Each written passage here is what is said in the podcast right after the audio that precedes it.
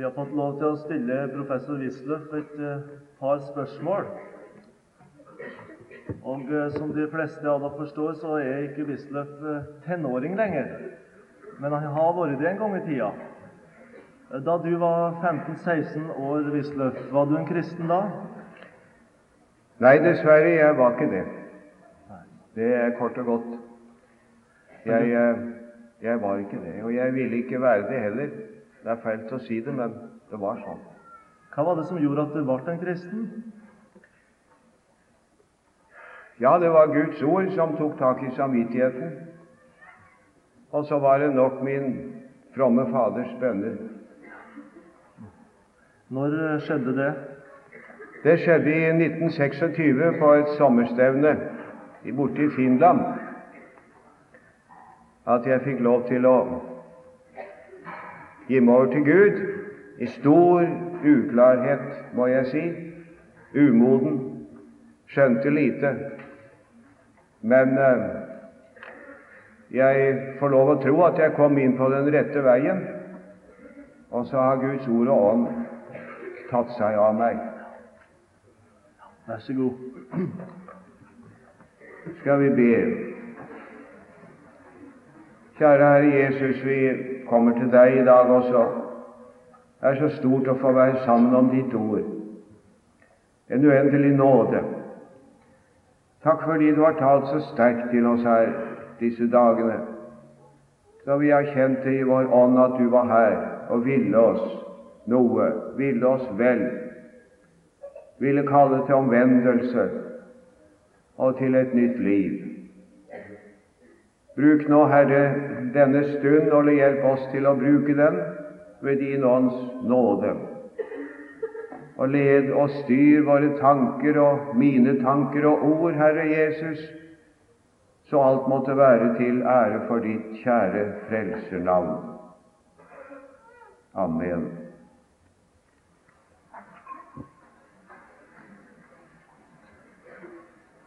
Vi skal lese da ifra Paulus' første brev til korintierne, kapittel 9. Og Der skal vi lese fra vers 16. Vi kan gjerne finne fram det og lese det helt ut kapitlet. Første Korintier 9, 16. For om jeg forkynner evangeliet så er ikke det noe å rose meg av, men det er en nødvendighet som påligger meg. For ved meg om jeg ikke forkynner evangeliet.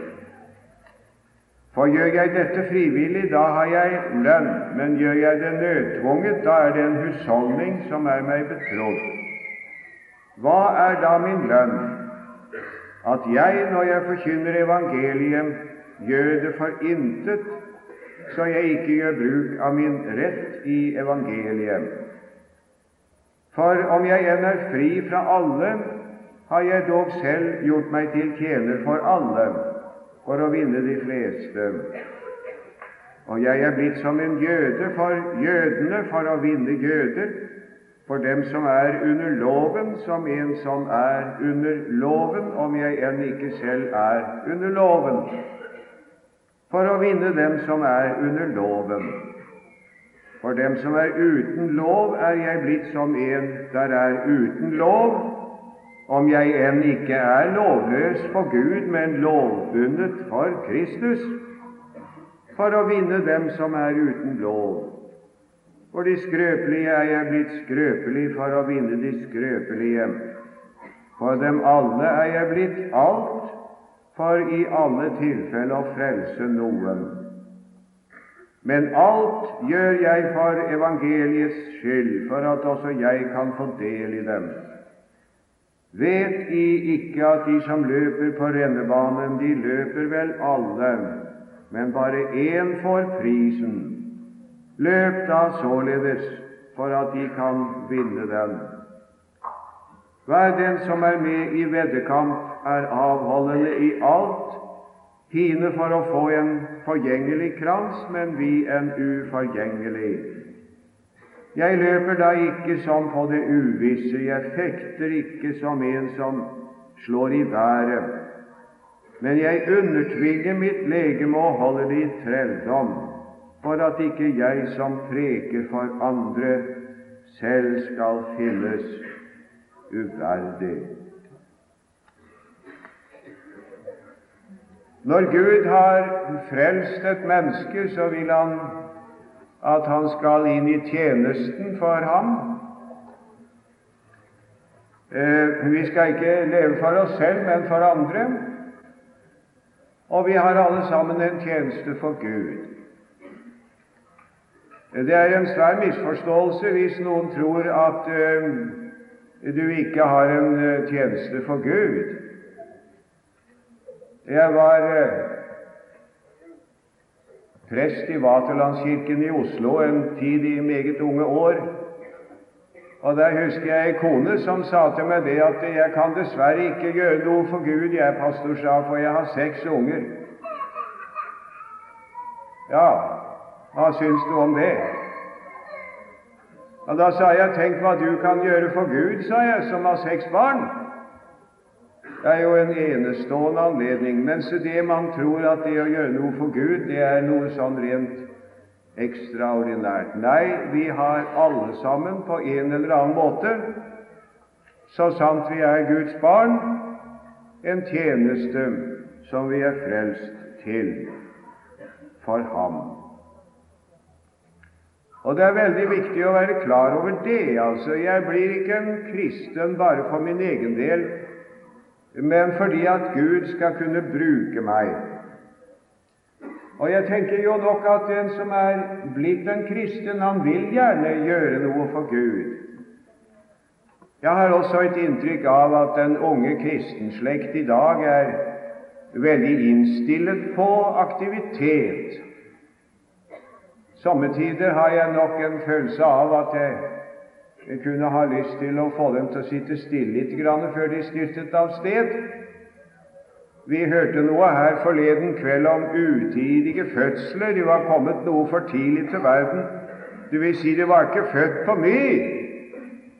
Og så ble det bare en, en, en bestemmelse og et mas og en aktivitet og en forskrekkelighet med aksjoner og saker og ting før du var riktig omvendt til Gud og født på ny. Og Derfor vil jeg begynne med å si det i dag at skal du være virkelig i Guds tjeneste, så er det nødvendig aller først å ha saken med Gud i orden. Vi har et skremmelig eksempel i Bibelen på en som, eh, som var svær med religiøs aktivitet, men han var ikke omvendt til Gud. Og det står i kapittel 8 i apostlenes gjerninger. Vil du kanskje slå opp det? For der står det om eh, at Philip var i Samaria, og det var stor vekkelse.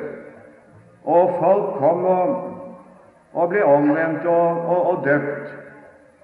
Både menn og kvinner, står det. Det var masse mennesker som kom. Og blant dem som kom, så var det en som heter Simon.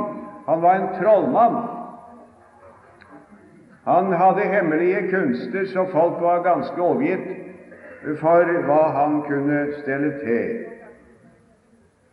Og da han fikk se at uh, folk fikk Den hellige ånd, og merkelige ting skjedde, så syntes han dette var stort, og så kom han, og så, og så ble han døpt, han òg, står det. Han kom til troen, han òg.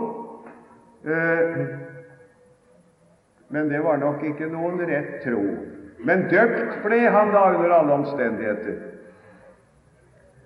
Og så kom han til eh, apostlene med penger, og så sa han, 'Gi meg den kraft og den makt', sa han, 'at når jeg legger hendene på noen, så skal de få Den hellige ånd'. Ja, men var ikke det fint, da? Å, han var så ivrig som bare det. Han ville inn i tjenesten med en gang, og han ville ha den evnen at når han la hendene på noen, så skulle de få Den hellige ånd. Religiøs aktivitet og iver så det var svære ting. Han ville betale for det, til og med. Men hvorfor ville han det? Jo, det ville han eh, ikke for å ære vår Herre Jesu navn, men fordi han selv ville være noen ting. Han skulle gjøre noen ting. Han skulle tiltrekke seg oppmerksomhet. Å, her var en åndsfylt personlighet. Å, han legger hendene på folk, så får de Den hellige ånd. Ja, det var det han ville, ser du. Hva sa Peter til ham da?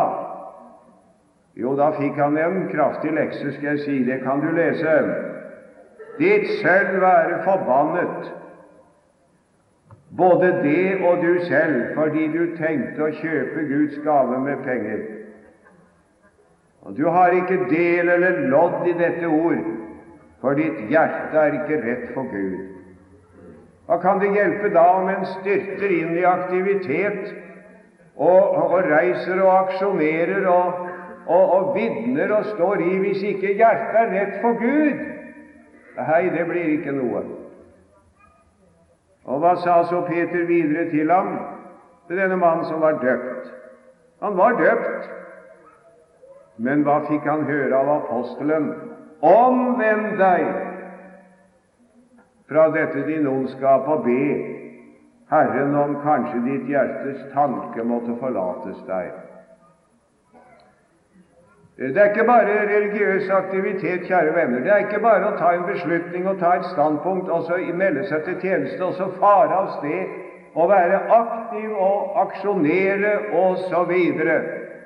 Gud velsigne hver og en som er fylt av iver for Jesu navn, men er ditt hjerte rett for Gud? Det må være det første. Ellers er det ikke noe verd.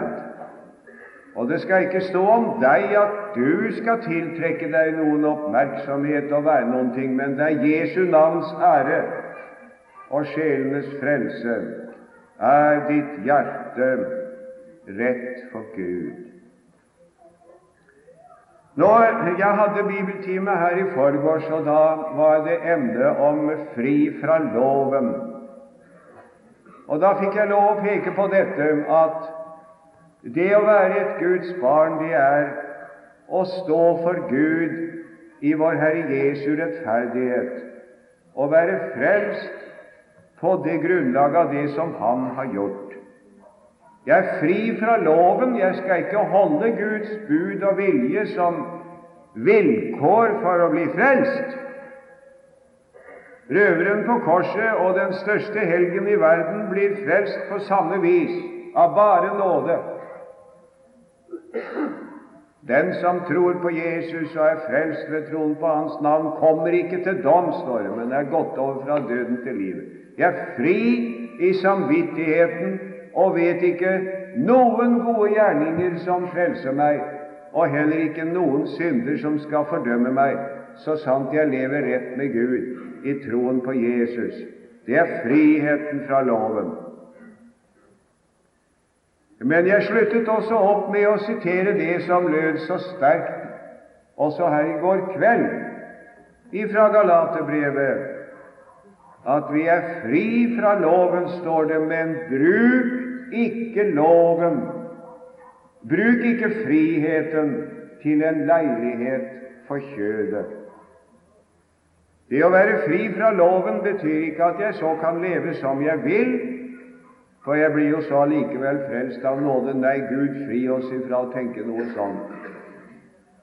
Og skal du da være en tjener for Gud, så må ditt hjerte være rett for Gud.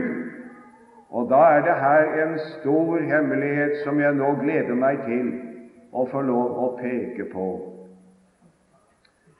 Vi har hørt om loven og evangeliet her. Loven, det er alltid Guds ord som sier du skal, og du må. Og du skal ikke, og du må ikke. Det er Guds hellige vilje, og fordi jeg er en synder, så blir dette lovens ord til dom for meg. Men evangeliet det er et ord som ikke legger på meg noen oppgaver, men det forteller bare om Jesus og sier 'Jesus døde for deg', 'Han er din frelse', 'Han er din fred', 'Han er din rettferdighet'. Loven sier 'du skal, du må'. Du skal ikke, du må ikke. Det er lovens toneart. Evangeliet sier Jesus, Jesus, Jesus. Han er din frelse, han er din fred, han er din rettferdighet. Han var Guds lam som var verdens synd.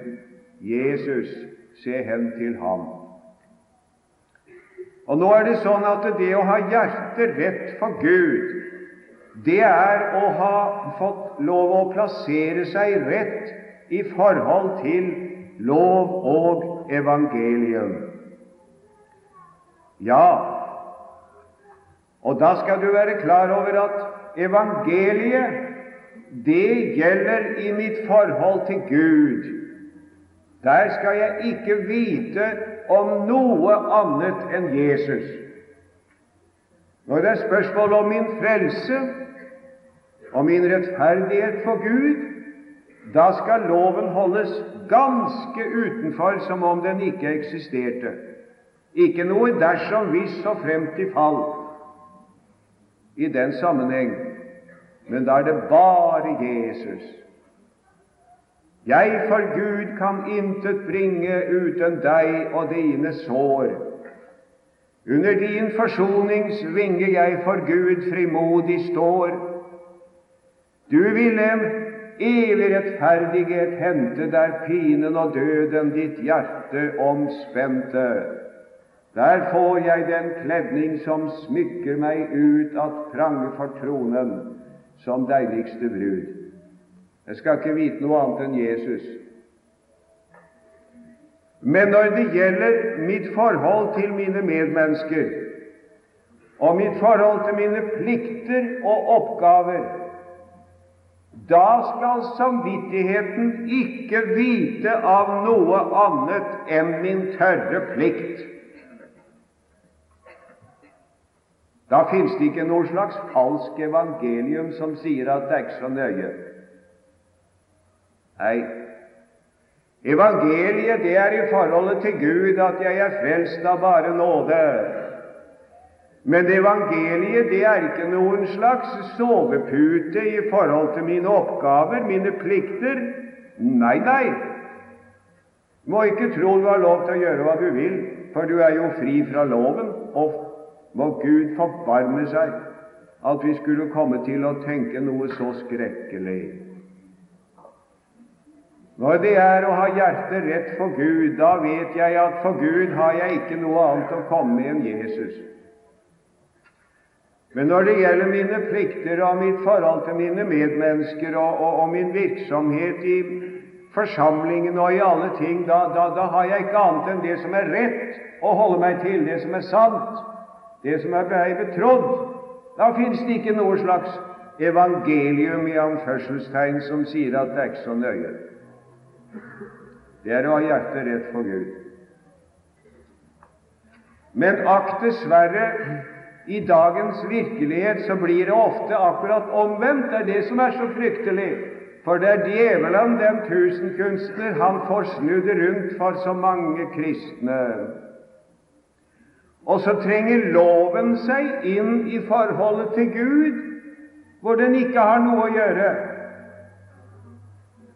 Og så går en der og tenker som så Mon tro jeg egentlig er noen kristen, for jeg er jo ikke så god som jeg skal, jeg er ikke så snill som jeg skal, og jeg, jeg, jeg er ikke så effektiv som jeg skal. og og andre de har så mye annet å komme med, og se nå på de som har sånne herlige ting å fortelle, og jeg har ingenting, kan jeg være en kristen, jeg? Og så går man og vet nesten ikke om man er en kristen, for loven med dens forbehold og dersom og så fremt og hvis har trengt inn i forholdet til Gud, hvor den egentlig ikke har noe å gjøre.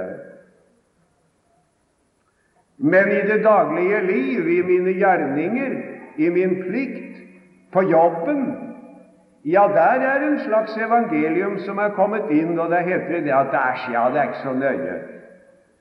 Og jeg er jo dessuten en kristen, så det at jeg er jo ikke under loven. Jeg er da, Det er noe som heter evangeliets frihet og, og sånn, og, og det, det, er ikke så nøye da. Kan det bli noe Kan det bli noe seirende kristendom ut av dette rotet her? Skjønner du ikke at det akkurat stillet på hodet? Det er jo rent forferdelig hvordan djevelen kan få stelt det til. I forholdet til Gud, hvor jeg ikke skulle vite annet enn Jesus, og er frimodig fordi Han er min fred, Han er min rettferdighet. Der går jeg og sukker og stømmer og sier ja, ja, jeg, det er dårlig med meg. Jeg vet nesten ikke om jeg tør tro jeg er en kristen. Men hjemme er jeg sur og gretten, og på jobben er jeg lite kollegial og sjusker unna og går så fort jeg kan, og, og så videre og så videre. og og det å vitne for noen, ja, nei, det ligger ikke for meg, og, og det har jeg ikke tid til. Og, og spør noen om jeg kan gjøre det og det i forsamlingen på B. Nei, jeg har ikke tid, jeg har ikke tid. Kan det bli noe seirende kristendom av det? Er ditt hjerte rett for Gud, kjære venn? Nei, nei. Nei, du skal ikke vite noe annet enn Jesus i forhold til Gud, og det er så godt å få lov å ha det sånn. Og der må jeg få lov til å bekjenne det. Jeg ble spurt her av Sjåstad hvordan det var da jeg ble omvendt til Gud. Nå skal jeg fortelle litt om det. Jeg hadde ikke tenkt å gjøre det, men nå gjør jeg det. For da hadde jeg lært det, naturligvis, at jeg skulle bekjenne mine synder, og så skulle Gud tilgi for Jesus skyld. Og det er så sant at det er ikke noe som er mer sant i verden. Men jeg hadde til å begynne med ikke fått noe særlig tak i det. For jeg, jeg tenkte det at når jeg nå har bekjent for Gud, ålreit, så, har han, så har han tilgitt. Så har han tilgitt. Men neste dag så ble det jo galt igjen. Og så sa jeg noe jeg ikke skulle ha sagt, og gjorde noe jeg ikke burde ha gjort. Og da hadde jeg en følelse av at forbindelsen med Gud var gått i stykker. Men heldigvis, som vi sier, så kunne jeg jo da komme til Gud og, og bekjenne på nytt, og så ble forbindelsen liksom knyttet igjen da. Men dagen efter var det samme ulykka. Og efter noen uker og måneder som ung kristen så ble jeg så trøtt av dette her. Jeg, jeg, jeg, hvis du vil skjønne hva jeg mener Jeg, jeg, jeg syns liksom jeg ble en kristen hver dag, og falt ut av nåden hver dag. Og denne bekjennelseskrampen som jeg kom inn i, ble jeg så trøtt av at jeg holdt på å gi opp alt sammen. Inntil Jesus forbarmet seg over meg og viste meg et ord. I har ikke utvalgt meg, men jeg har utvalgt eder, sier Jesus. Og jeg hadde strevet så forskrekkelig med mitt valg og det er klart, hvis ikke du vil ta en beslutning, så blir det ikke noe med deg. Det slipper du ikke utenom. Men det er dog Hans valg og Hans nåde som er det avgjørende. Og så lærte jeg å forstå den ting at da jeg var blitt et Guds barn, så var jeg barn. Og når jeg da i aftenens fred kom med mine synder og bekjente dem, så var det som barn jeg kom til ham om hvem det står at som en far forbarmer seg over sine barn, forbarmer Herren seg over dem som frykter ham. Nei, eh, ditt hjerte skal være rett for Gud, så skal du få lov til å gå i tjenesten, og det er det aller viktigste. Jeg står ikke her og snakker om tjenesten og som noen mobilisering, vær så god, gå i gang. Jeg spør først er ditt hjerte rett for Gud. Er du frelst? Er du født på ny? Har du fått et syn på Jesus som din frelser?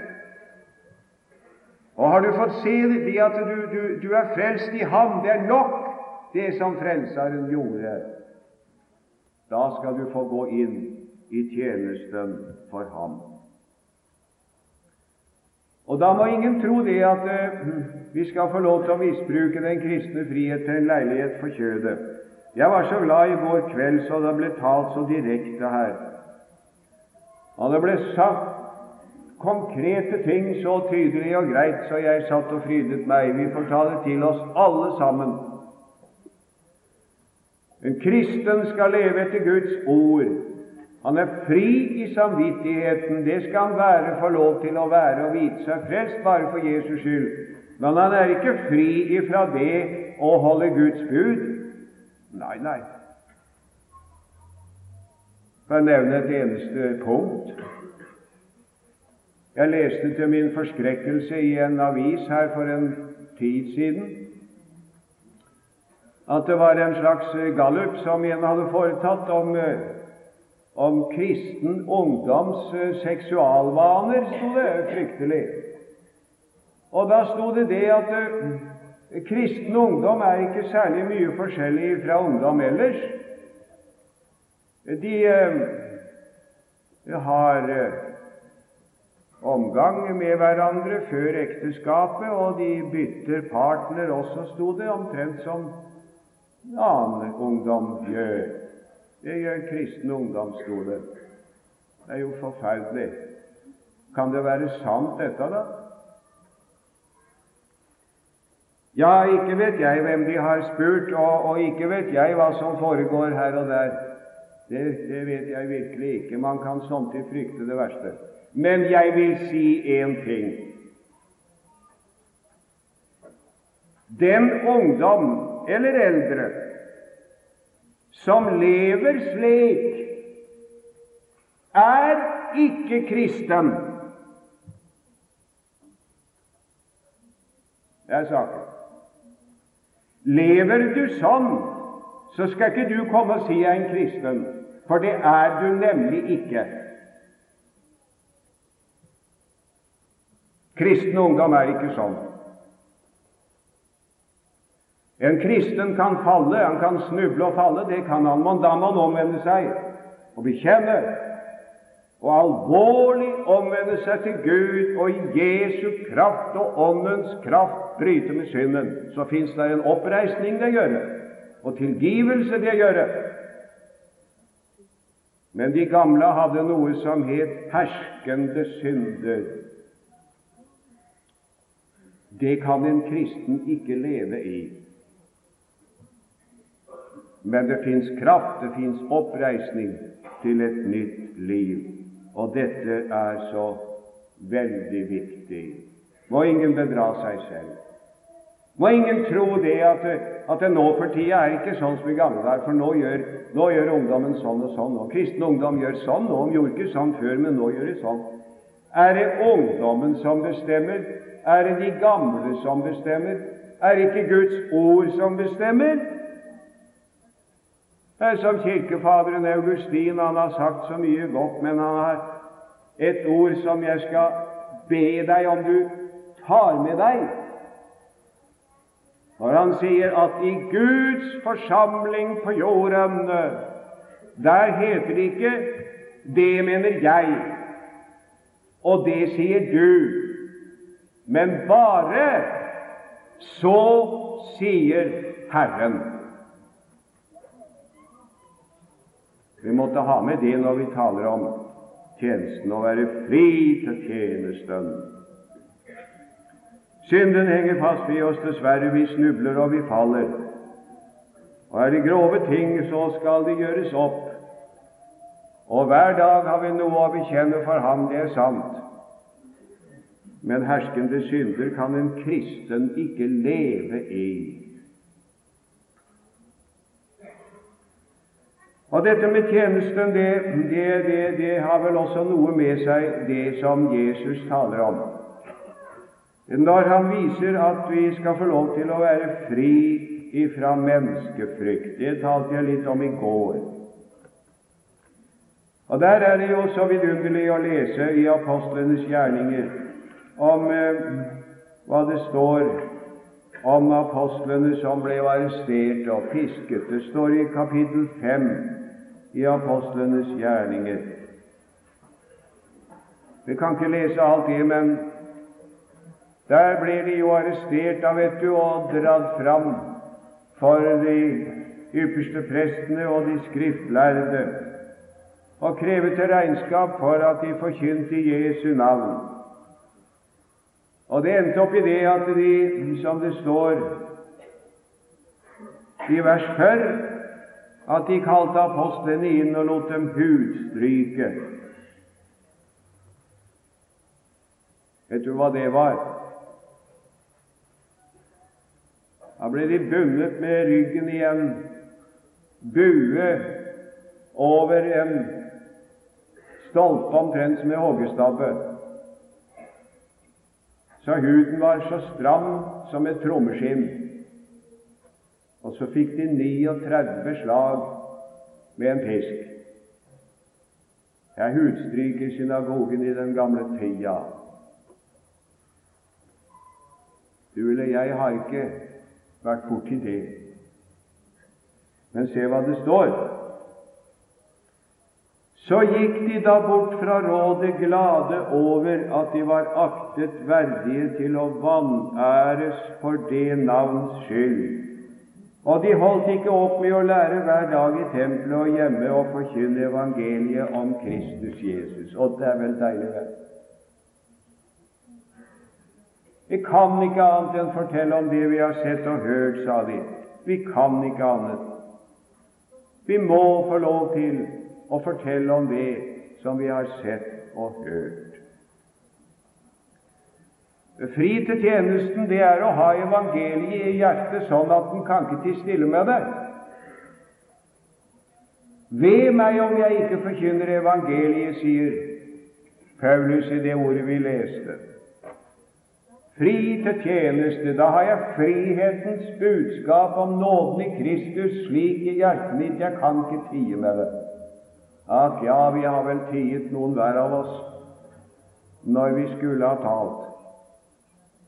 Men eh, når evangeliet riktig lever der inne, så kan jeg da ikke tie det lange løp.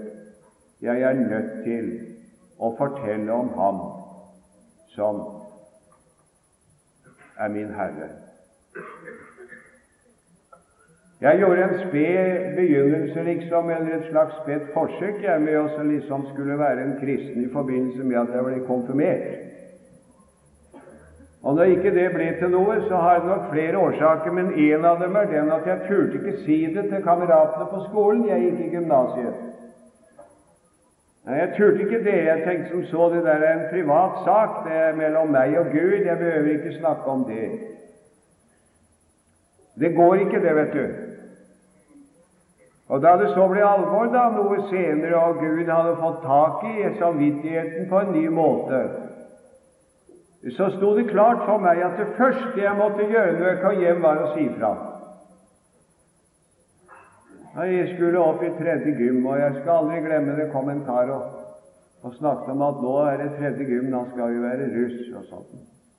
Ja, nå eller aldri, tenkte jeg, og så sa jeg til ham det at du sa jeg er blitt omvendt til Gud. Jeg sa jeg, det blir ikke noe russegreier for meg. Så var det gjort. Er du blitt omvendt her og tenker på det at du må si ifra når du kommer tilbake, bruk den første anledningen den første anledningen er den letteste.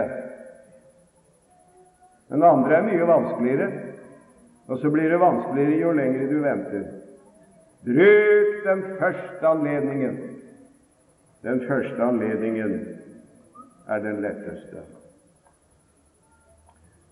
Og så kommer jeg til en ting som er eh, veldig å snakke om, fordi at eh, en føler seg liksom så Ja, lite verdig til å si noe om det, for en føler på avstanden, altså. Men vi skal nå lese da i Guds ord i Apostlenes gjerninger, kapittel 20. Der er det Paulus som skal opp til Jerusalem siste gangen. Og Ånden hadde vitnet om at nå ble det både bånd og fengsel og, og så videre. Og så sier han det, det står i vers 24. Men for meg selv akter jeg ikke mitt liv et ord verdt, når jeg bare kan fullevne mitt løp og den tjeneste som jeg fikk av den Herre Jesus, og vitne om Guds nådes evangelium. Ja, akter ikke mitt liv et ord verdt. Det er veldige ord, jeg føler meg lite verdig til å si noe mer om det. Men her står det i Guds ord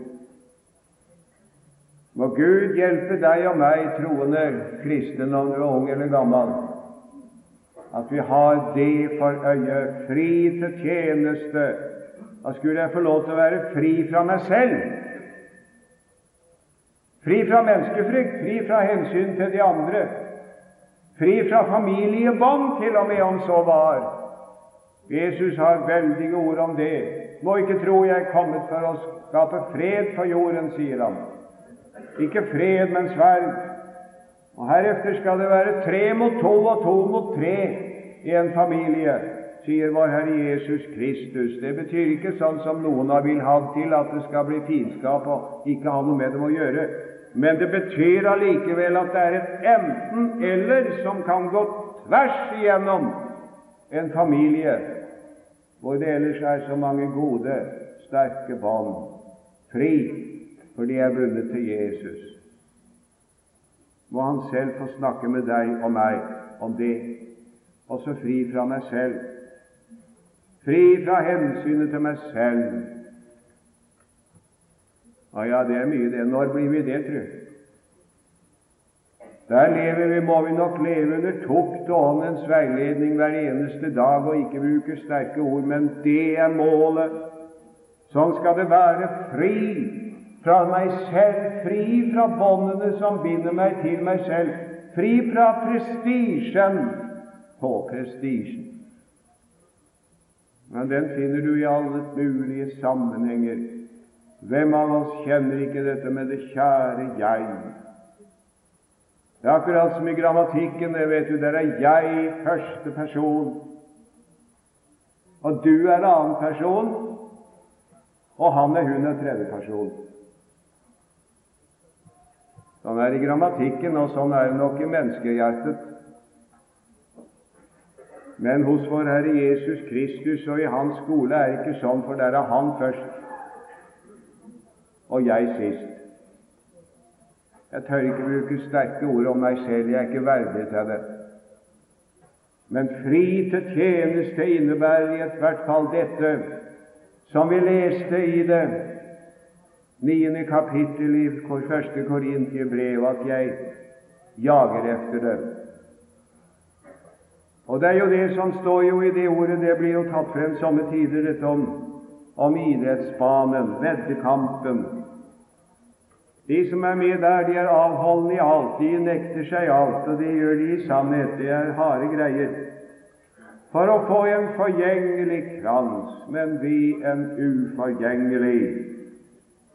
Jeg løper da ikke som på det uvisse, jeg fekter ikke som en som slår i været, men jeg undertvinger mitt legeme og fører det med meg som en trell,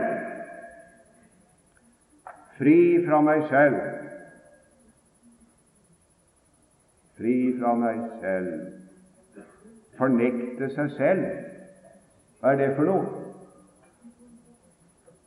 Ja, vi kan ta det Det står om Peter, han fornektet Jesus i yppersteprestens gård. Hva sa han da? Jeg kjenner den ikke, sa han. Jeg kjenner ikke den mannen. Det er samme for meg hva det går, det går med han, for jeg kjenner ikke han fornektet han Jesus, og da gråt han bitterlig da han fikk se hva han hadde gjort. Å fornekte seg selv, det måtte jo da være at man altså sa som så 'Jeg kjenner ikke den mannen'. Det er samme åssen det går med han. Det får, gå, det får, får gå godt eller ille når jeg bare kunne fullende mitt løp og tjene Jesus. Jeg kjenner ikke hvem det er her. Det er samme for meg åssen det går. Å ja, hvem av oss tør si det? Jeg tør ikke. Men jeg er nå med på rennebanen. Jeg er nå med i løpet. Jeg får nå lov til å være med blant dem som gjerne vil følge Jesus, og som vet at i tjenesten for ham det gjelder ikke meg og mitt, men det gjelder ham. At ikke jeg som preker for andre selv, skal finnes uverdig. Det var en professor i teologi her i landet i forrige hundreår. Han ble biskop etterpå. Han heter F.W. Bugge. Han har en over, laget en oversettelse av Det nye testamentet. Og Der har han en merkelig oversettelse her på dette sted, for der står det Det er jo gammeldags språk, da, men der står det For at ikke jeg som byder andre opp, selv skal bli stående tilbake. Da ble jeg grepet da jeg så det for mange år siden. For da er vi på idrettsbanen, og så står det en rekke med unge menn der, klar. Og den ene av dem, han står ytterst på den ene siden, og så sier han 'klar, ferdig, gå', og så løper de så fort de kan. Men han som ble sa 'gå', han står igjen. Han løper ikke. Gud sier nåde til meg og meg. At vi som altså sier 'gå, omvend deg', skulle selv stå tilbake. Og Jeg har en engelsk oversettelse som jeg kikket litt i på morgenkvisten, og der står det sånn, gjengitt på norsk, for at ikke jeg selv skal bli diskvalifisert. Det hender at noen blir det på denne banen, på stadion. De blir diska, som jeg hører de sier på Østlandet. Måtte ikke du eller jeg som har vitnet for andre, bli diska. Du var ikke med. Det var bare noe du sa. Det var bare noe vi ba andre om. Og så var jeg ikke selv med. Alvorlige ord. Og så må jeg komme tilbake til utgangspunktet, det jeg gjerne så, og sie det. Når alt dette er sagt, så blir vi venner ikke frelst ved å være modige og ved å gjøre en stor innsats, men til syvende og sist så skal vi få lov til å bli frelst av bare nåde. Det visste Paulus. Jeg har arbeidet mer, dog ikke jeg, sier han, men Guds nåde som er med meg. Fri til tjeneste, det er den som lever rett med Gud i troen på Jesus. Jeg lærte et salmevers av min far, ganske ung. Og det har jeg forsøkt å nynne på og tenke på og, og be, for det er en bønn. Jeg skal slutte i dag med å nevne den. O Jesus, du som alltid tro er bleven, hvem kjærlighet til død og grav har drevet. Gi meg den kraft at jeg til gravens muld må være deg av hjerte tro og huld. Nå ber vi til Gud. Kjære Gud, takk fordi du kaller oss alle sammen til å være dine. Takk fordi at det er et rom for oss hos deg. Takk fordi det er nåde for synder. Takk fordi det er et oppdrag og en oppgave her i vårt land, eller kanskje ute i fremmed land. Herre Jesus, må du få styre og rå med oss, så mange som er dine. Amen.